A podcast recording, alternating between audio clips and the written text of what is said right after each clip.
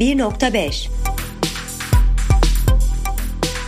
Yeşil Gazete ve Gezegen ortaklığıyla hazırlanan 1.5'i dinliyorsunuz. Merhaba, ben Gezegen Editörü Özgün Özçer.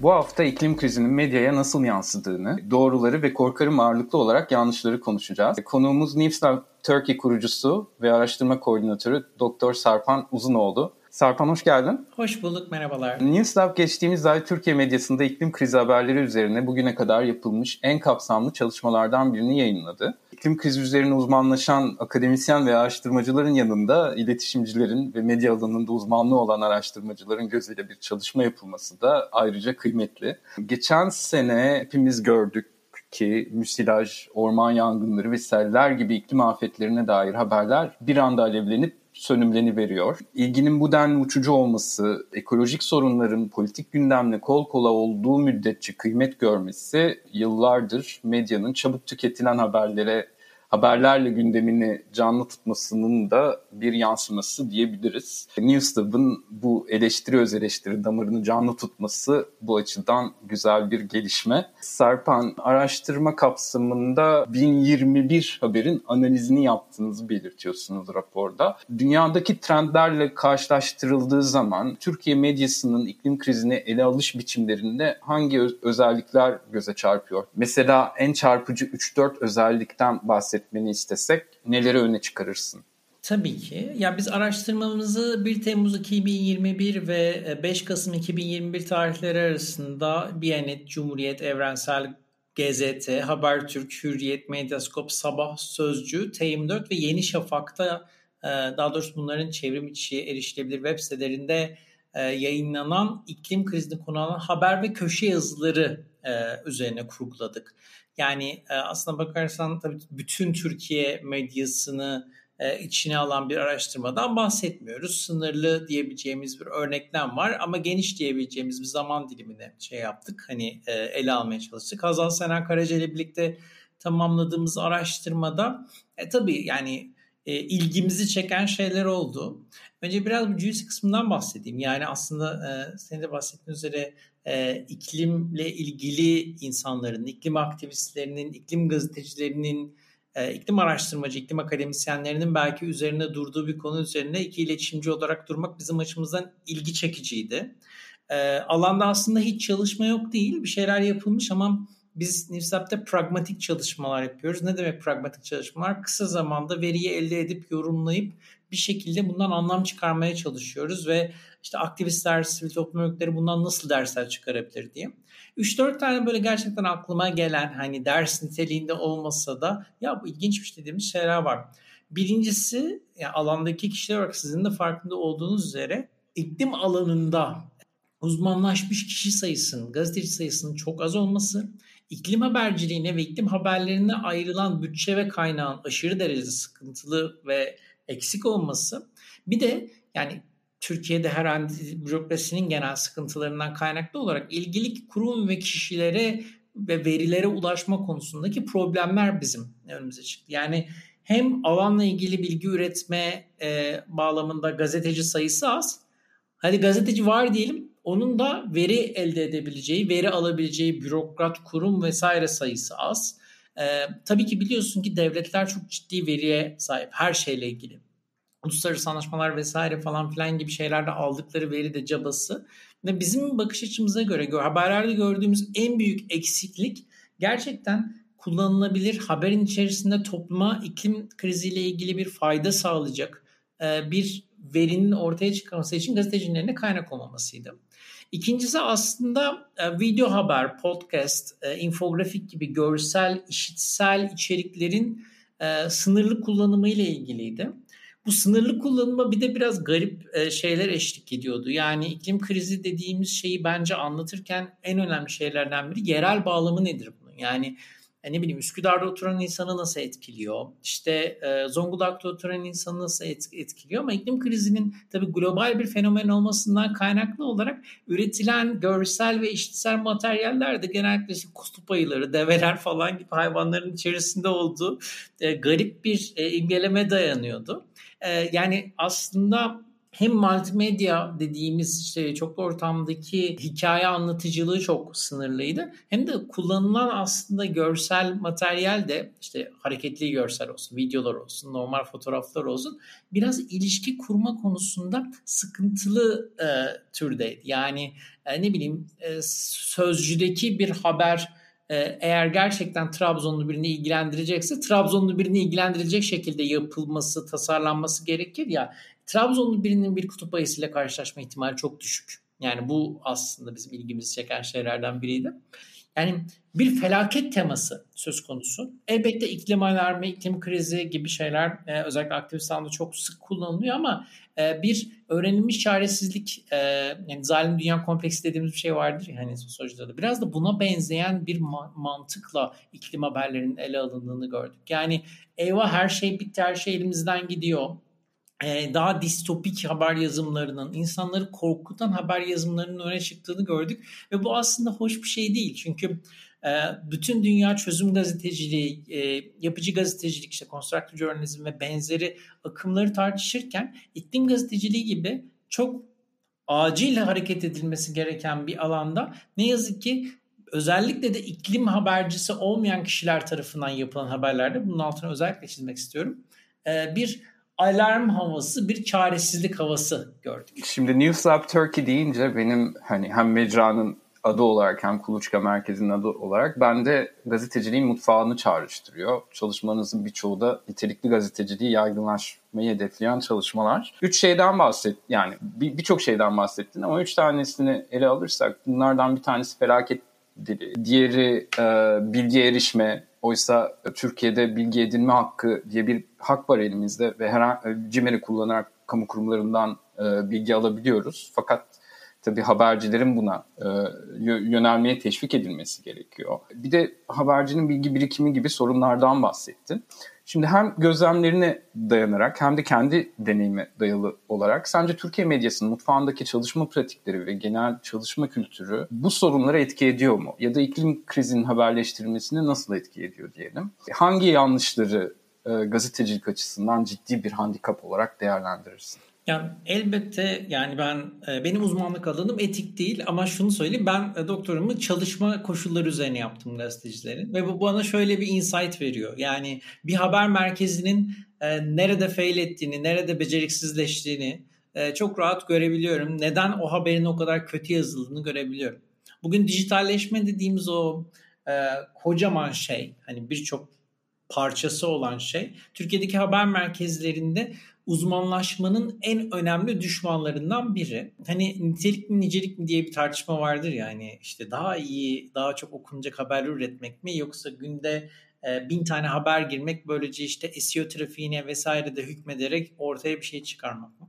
Haber merkezleri böyle bir tansiyonun içerisinde aslında sıkışmış durumdalar. Türkiye'de hepimizin tercih ettiği yani bazılarımızın tercih, birçoğumuzun tercih ettiği diye prestij medyası olmasa da ya bunlar da yalın haber yapmaz vesaire dediğimiz yerler bile bu büyük performans baskısını yaşıyor. Nedir performans baskısı? Yani Türkiye'deki haber merkezlerine yansıyan şudur. Birincisi alandaki muhabir sayısının olabildiğince limitlendiği, muhabire ve haber üretimine harcanan paranın olabildiğince düştüğü bir dönemden bahsediyoruz. Yani siz işte bir yangın çıktığında Akdeniz bölgesinde oraya insan yollamak geçmişte rutindi değil mi? Bugün tamamıyla ajansların eline verilmiş ki de ajanslar da zaten siyasal iktidar ve siyasal iktidara yakın kurumların elinde.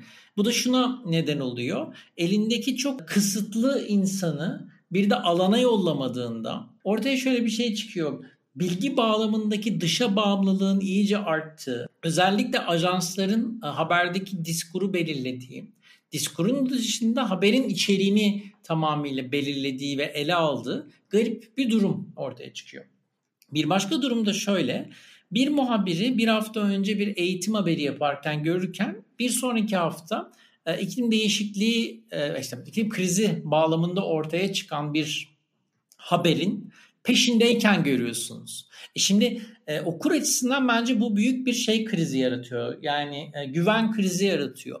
E, geçmişteki gazetelere baktığınızda Yani 90'larda bile çok sevmediğimiz bir dönem de olsa medyada hani süperstar köşe yazarları dönemi daha fazla uzman muhabirle karşılaşıyorduk. Bugün Türkiye medyasında mutfakta hani, hani mutfağa benzettin ya biraz da normal bir haber odası da mutfağa benzer.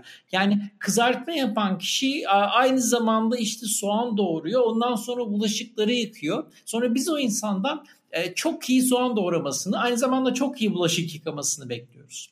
Teknik olarak bizim en büyük gördüğümüz şey uzman sayısının bu derece az olması. İklim gibi aslına bakarsan işte uluslararası fonların vesaire de desteklediği. Hatta dünyanın birçok ülkesinde işte greenwashing falan tartışmalar da var ama hani kapitalist e, aktörlerin de e, coverage'ını desteklediği bir alanla ilgili çok az kişinin çalışıyor olduğunu görüyoruz. Ve mesela işte uzmanlarla yaptığımız işte görüşmeleri yaparken biz bile uzman bulmakta zorlandık ki biz yani işte eskiden Babali vardı artık. Babali yok ama bu tarz işlerin göbeğindeki organizasyonlardan biriyiz. Ve bu bize şunu söylüyor aslında. Uzman ve derinleşmiş bilgi sahibi olmayan çok sayıda insanın da haber yaptığı bir alan iklim haberleri. Ve iklim haberleri ile ilgili problemli kısmı oluşturan zaten uzman muhabirlerin ya da alanla ilgili uzman editörlerin değil. O sırada 6-15 nöbeti midir? Kaç nöbetidir? İşte gazetelerdeki vardiya sistemine göre masanın üstünde olan o internet editörüyle ilgili o problemler. Yani zaten Türkiye'deki genel haber kalitesi bu performans sistemine, Google Analytics'lerin işte Google Analytics dashboardlarının hükmettiği şeye dayanıyor. Şöyle diyebilirim yani iklim krizi veya iklim haberciliği bağlamında bunun nereye oturtabilirsin dersen şuraya oturtabilirim. Birincisi bir internet editörünün iklim meselesiyle doğrudan iletişim veya etkileşim kurma, kurmadığı halde bu haberi doğru yapması zaten mümkün değil.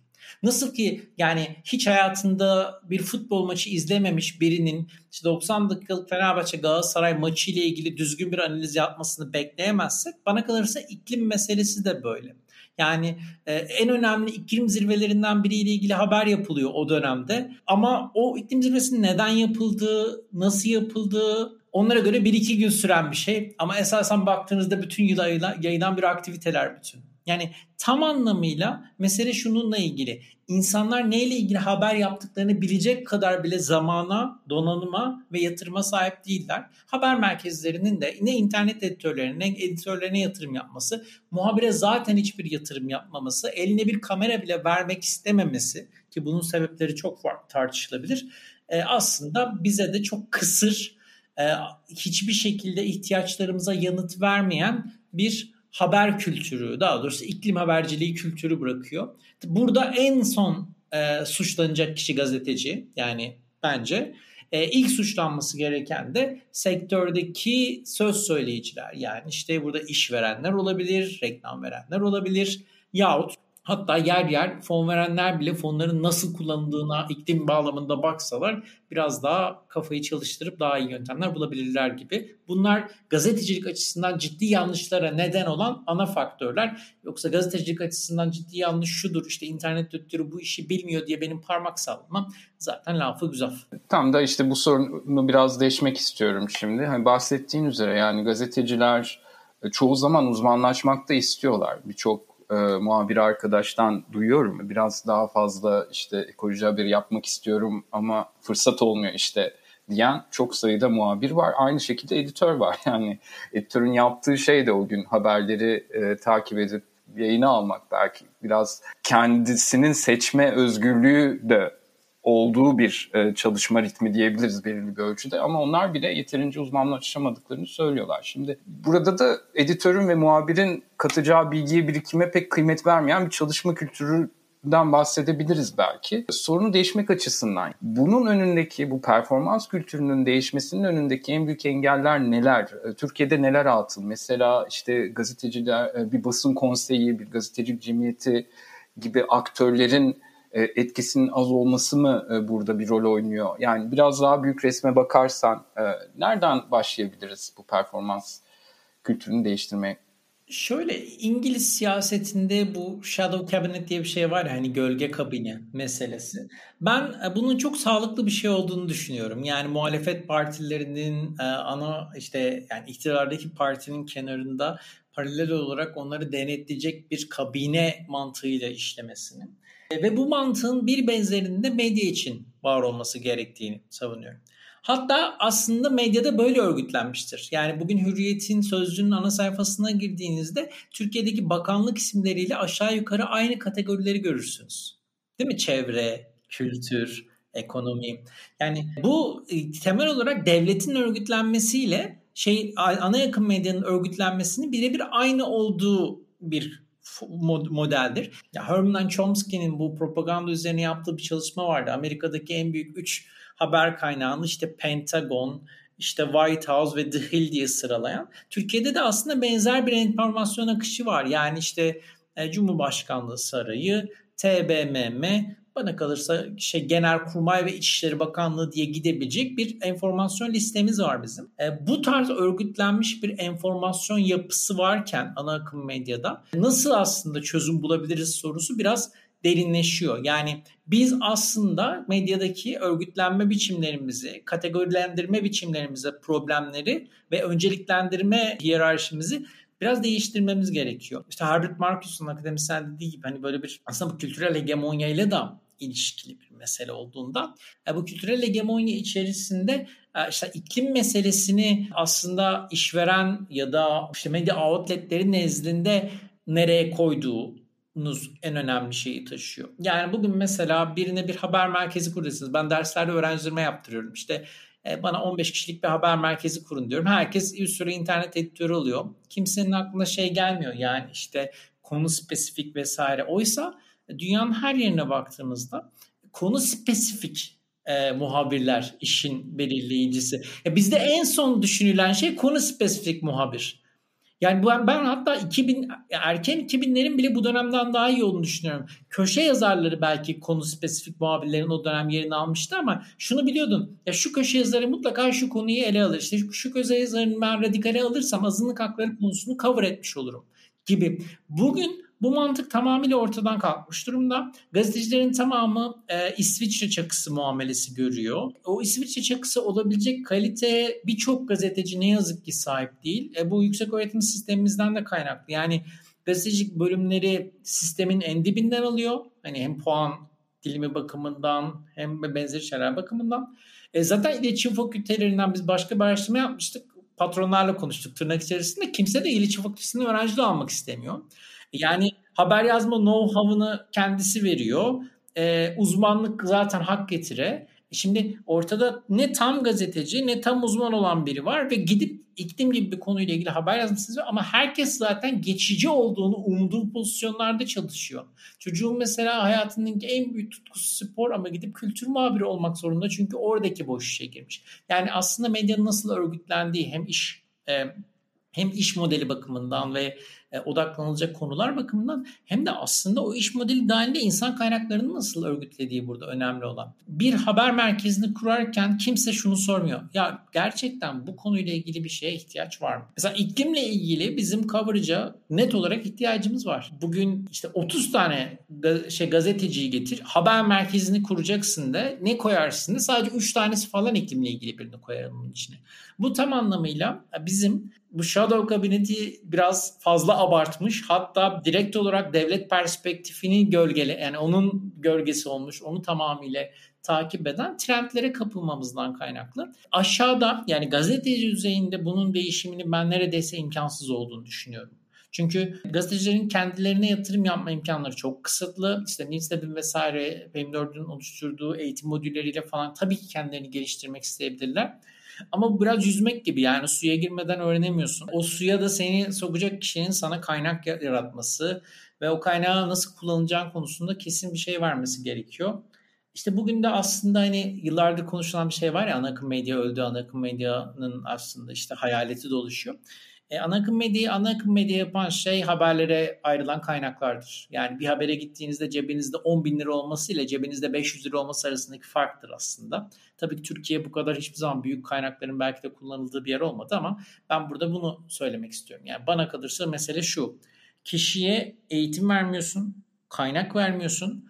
Onu da geçtin. Yani doğru düzgün fotoğraf çekebilecek, mesela geniş alanda drone ile footage alabilecek vesaire bir video kamera vermiyorsun kamera vermiyorsun. E şimdi bunun karşılığında sen kişiden bir haber bekliyorsun. Zaten o kötü çıkma ihtimali var. Yani uzman gazetecinin de kötü haber yapma ihtimalini çok artırıyorsun. E bir de zaten yine Türkiye'deki preker dediğimiz e, bu çalışma rejimi e, birçok muhabirin parça başı işler üzerinden hayatını geçirmesi hele ki söz konusu iklim olduğunda şans eseri bir NGO'nun programında tam zamanlı işe girmediyseniz zaten işsizsiniz. Yani işsiz değilsiniz de freelancersınız. Onun da aşağı yukarı işsizliğe denk olduğunu herhalde Türkiye'nin bu ekonomik yapısında hepimiz farkındayız yani. E, bence mesele yani daha yapısal olarak Türkiye'deki medyanın hem ideolojik olarak kendini güncellemesiyle hem de insan kaynakları politikası bakımından kendini güncellemesiyle mümkün. Aksi halde burada böyle büyük bir shift beklemiyorum. Kesinlikle. Ben de hani şunu önerebilirim insanlara. Bir LinkedIn'de mesela New York Times'ın iş ilanlarına bakmalarını. Yani hiç öyle genel bir editör ilanı göremezsiniz. Hep spesifik, hep uzmanlaşmış ve o kadar niş bir şekilde uzmanlaşmış ki mesela en son aklıma gelen kurmaca olmayan kurmaca dışı kitap editörlüğü. Yani kitap editörlüğünü de çeşitli uzmanlıklara bölebiliyorlar. Şimdi biraz da işin çözüm boyutunu konuşalım. Senin de bahsettiğin gibi çözüm haberciliğini ve daha yapıcı haberciliği konuşalım. İklim krizi medyayı ve gazeteciliği tüm dünyada etkiliyor ve değiştiriyor. Hepimizin karşılaştığı bir sorun ve tıpkı haber, hak haberciliği gibi gazetecilerin ve mecraların belirli ölçüde taraf olmasını beraberinde getiriyor. Bu değişime Türkiye medyası nasıl ayak uydurabilir sence? Yani çok konuştuk evet ama biraz da çözüm odaklı sizin raporunuzda da yer alıyor. Yani haberlerin içinde çözüme daha fazla yer verilmesi ve biraz daha o felaket dilinin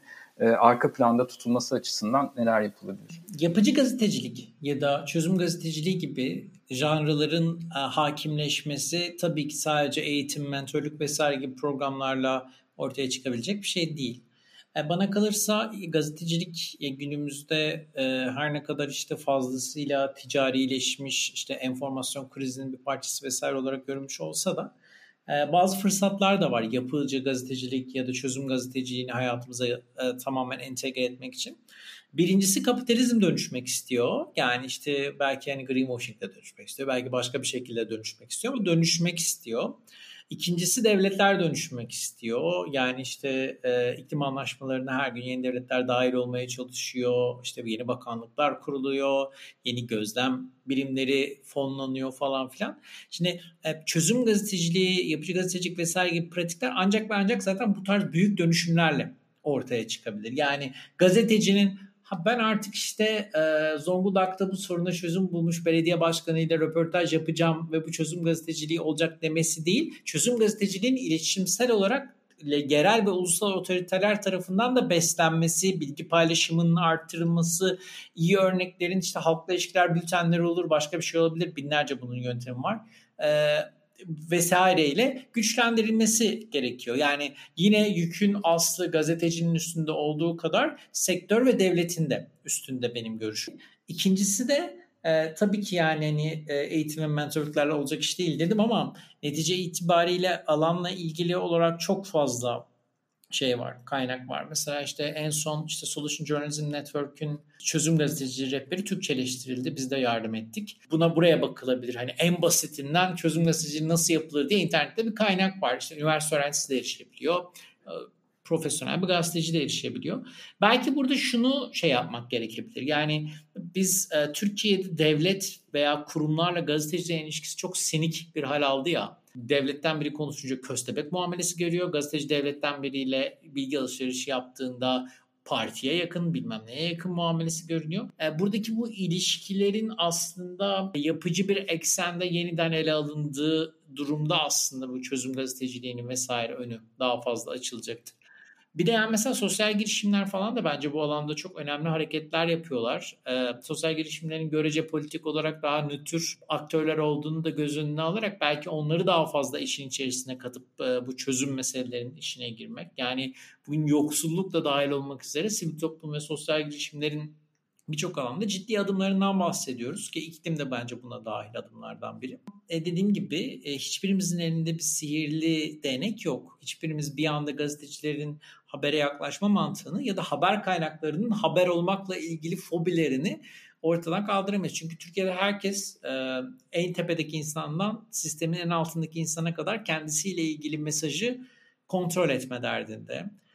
Bu çok sert bir otoriter tavır ve bireysel olarak hepimize yansımış durumda. Hepimiz kendimizi halkla ilişkiler ajanslarının temsil etmesi gereken çok büyük selebritiler gibi görüyoruz. Oysa toplum dediğimiz şey aslında biraz kendimizden, hırslarımızdan ve aslında e, onlara feragat edip daha ilerleme odaklı çalıştığımız olur. Ve çözüm gazeteciliği sadece başarıya değil aynı zamanda başarısızlığın neden olduğunu anlatmaya da odaklanır mesela. Yani biz başaramadık, bunun için başaramadık ama başarmak için şöyle bir yöntemimiz vardı aslında çözüm gazeteciliğinin parçasıdır. Ama Türkiye'de aldım verdim ben seni yendim oyunculuğuna döndüğü için ya da başarısızlık hikayesinin içerisindeki başarıya yönelecek yol tanımı olmadığı için işte felaket haberiyle baş başa kalıyoruz. İklim söz konusu olduğunda işte e, ya bu aslında çok basit bir şey.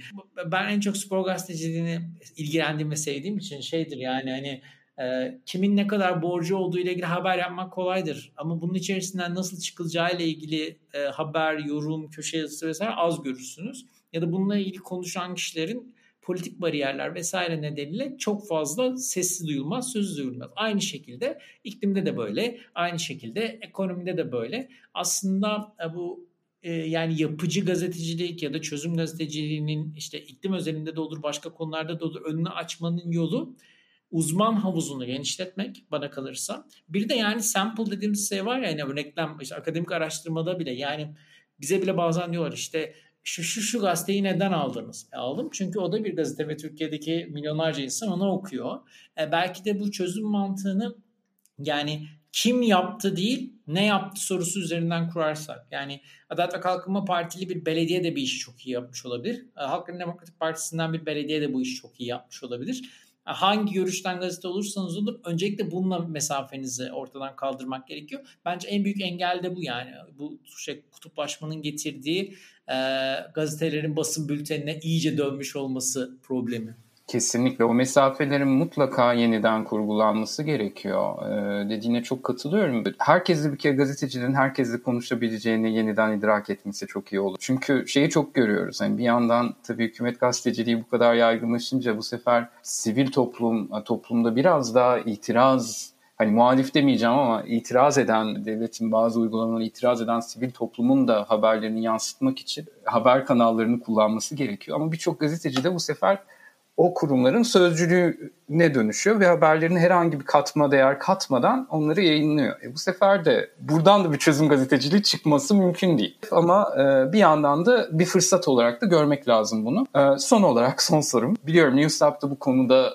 hem sen bireysel olarak çok ilgilisin hem Newslab'da çok nitelikte eğitimler ve içerikler yayınlıyor. Özellikle yeni teknolojik medya araç araçlarla ilgili, yeni formlarla ilgili. Ve bu yeni formlar, yeni araçlar iklim krizini meseleden kuşağın da daha aşina olduğu formlar ve araçlar. Bir de Türkiye medyasını bu açıdan değerlendirmeni isteyelim. Podcastler, vloglar, işte sosyal medya videoları, sosyal medya araçları iklim haberciliği açısından e, Türkiye medyasına ne tür fırsatlar sunuyor e, ve e, hani nitelikli bir şekilde kullanıldığına rastladın mı? Belki birkaç olumlu bir şey söyleyebiliriz burada. Şimdi şöyle ben ilk yapacağım şey e, bir, bir haber merkezine ilk gittiğimde Twitter'dan çıkın. Hani Twitter'ı aklınızdan çıkarın diyorum. Çünkü Twitter zaten çok yani entelektüel olarak zaten kararını vermiş ve kendi kanaatini sadece derinleştirmek isteyen insanlara seslenebileceğiniz bir yer.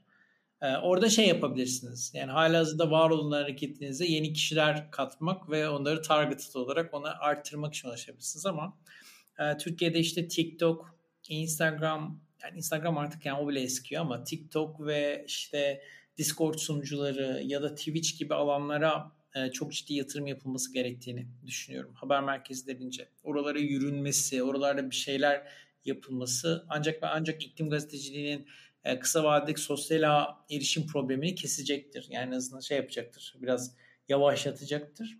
E, bir de e, Türkiye'de overserved kitleler var. Yani gereğinden fazla hizmet edilen kitleler. Ne bu kentliler yani işte Moda'da oturanlar, Cihangir'de oturanlar. Yani e, özür dileyerek bunu söylüyorum. Moda'da oturmakta bir problemim olduğu için değil ama oradaki insanların haber testine hitap eden çok fazla içerik oluşturuluyor ki bence senle şu an yaptığımız podcast bile daha ziyade bir B2B podcast değil mi? Yani gazetecilerin daha çok ilgilenebileceği podcast. Ben de B2C yani son tüketicinin ilgilenebileceği ürünlerin sayısını arttırmamız gerekiyor. Ee, ne, ne demek bu? Benim yerine iklim krizi yoktur ve iklim krizi vardır diyen e, iki ünlü deliyle konuşsan hani deli derken işte ünlü kişiler yani kim herkes olabilir bunlar isim vermeyeyim deli dedikten sonra ama e, çok daha fazla dinlenecektir ya da izlenecektir. Amerika'da bu işi böyle yapıyorlar benim gördüğüm kadarıyla. Mesela işte çok da sevmediğimiz e, bir şey değil mi? Felsefeci işte Jordan Peterson pek sevilen bir adam değil. E, ama Jordan Peterson podcastine bakıyorsun tamamıyla kendisinden karşı görüşte biriyle konuşuyor. İnsanlar Jordan Peterson'la konuşuyorlar. Farklı görüşlerde kendi YouTube şovlarına çağırıyorlar. Dünyada yani form olarak podcast'i ve YouTube'u tutturan şey çatışma. Zaten dramanın da biliyorsun bütün şeyi budur. Yani aslında biz çatışmayı haberlerimizin, içeriklerimizin içine hiçbir şekilde koymuyoruz. Hatta yani genel Anglo-Sakson habercilikte ne vardır? Yani illaki karşı tarafa soru şeye sorarsın değil mi? Bu bile yok yani Türkiye'deki haberlerin çoğunda. Bence podcastlerdeki en büyük veya YouTube kanallarındaki en büyük eksiklik çatışmanın olmaması. E, çatışma da şöyle olur. Yani gerçekten e, söyleminden korkmayacağım bir entelektüellik meselesi e, bence çatışma. Yani iklim krizinin var olduğunu ben düşünüyorum. Ama düşünmeyen ya da iklim krizinin medyada çok iyi ele alındığını, devlet politikalarının harika olduğunu düşünen bir akademisyenle beni aynı anda haberleri çağırmak, konuşmak için çağırmak bile ortaya bir çatışma çıkaracaktır ya. Ben e, formdan ziyade bu içeriksel şeye bu ara takılmış durumdayım. Çünkü e, birçok haber merkezinin izlenme, dinlenme, tıklanma sayılarına hakimim. E, ve nerede çatışma varsa onun talep gördüğünü sen de benden yani fark etmişsindir. Belki ikinci olarak da yani bu formların kullanımı bağlamında da e, haber sitesi dediğimiz şeyin e, tıklanabilirliğini belirleyen şey ne yazık ki görsel kalite değil. Ya da işitsel kalite değil. O işte SEO dediğimiz arama motoru prensipleri falan filan gibi şeyler aslında biraz daha belirleyici oluyor. Bununla bu gerçekle barışmamız gerekiyor. Yani bu özür dileyerek söylediğim bir şey. Bu gerçekle barışmamız gerekiyor diye ama yani e, sosyal medyadan daha fazla öne çıkan şey tık tıklarımızın %80'ini aldığımız eğer arama motorlarıysa buralarla biraz daha fazla meşgul olmamızın gerekeceği bir çağdayız. Yani bu bir gerçek.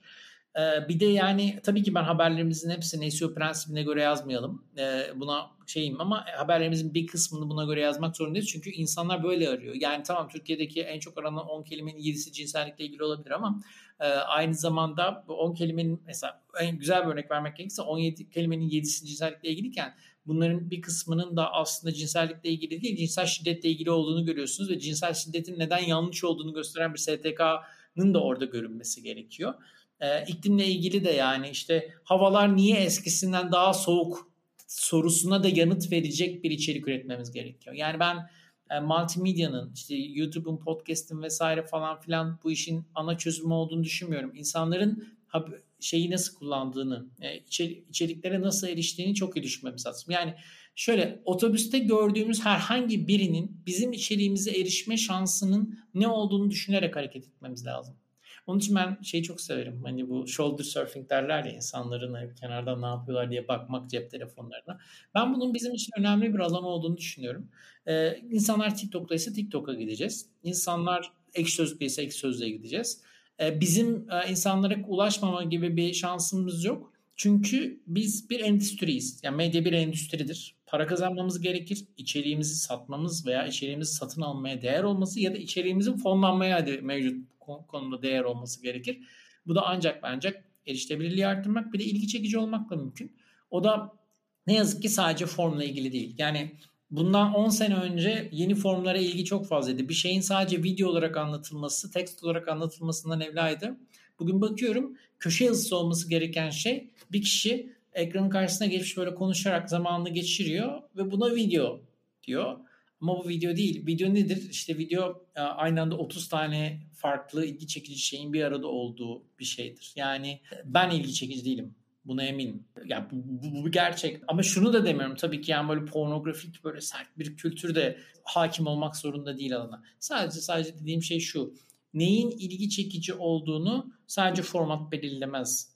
Çatışma belirleyebilir, ilginçlik belirleyebilir, ilgi kurulabilirlik belirleyebilir Bir de yani iklim meselesinin özelliğinde konuşmak gerekirse en başa dönüyorum yani ilk soruna verdiğim yanıta. Meselenin kutup ayılarıyla değil de işte Bayrampaşa'daki evi su basmasıyla ilgili olduğunu ne zaman anlatabilirsek insanlara bence o zaman büyük kurtuluş gelecek. Zaten o hikayeyi de başlatmak için Bayrampaşa'daki o insanın cep telefonuna girmek e, gerekiyor. E, çok güzel bitirdin Sarpan. Bir şey eklemeyeceğim bunu o zaman. E, başladığımız yere e, geri dönmüş olduk böylece.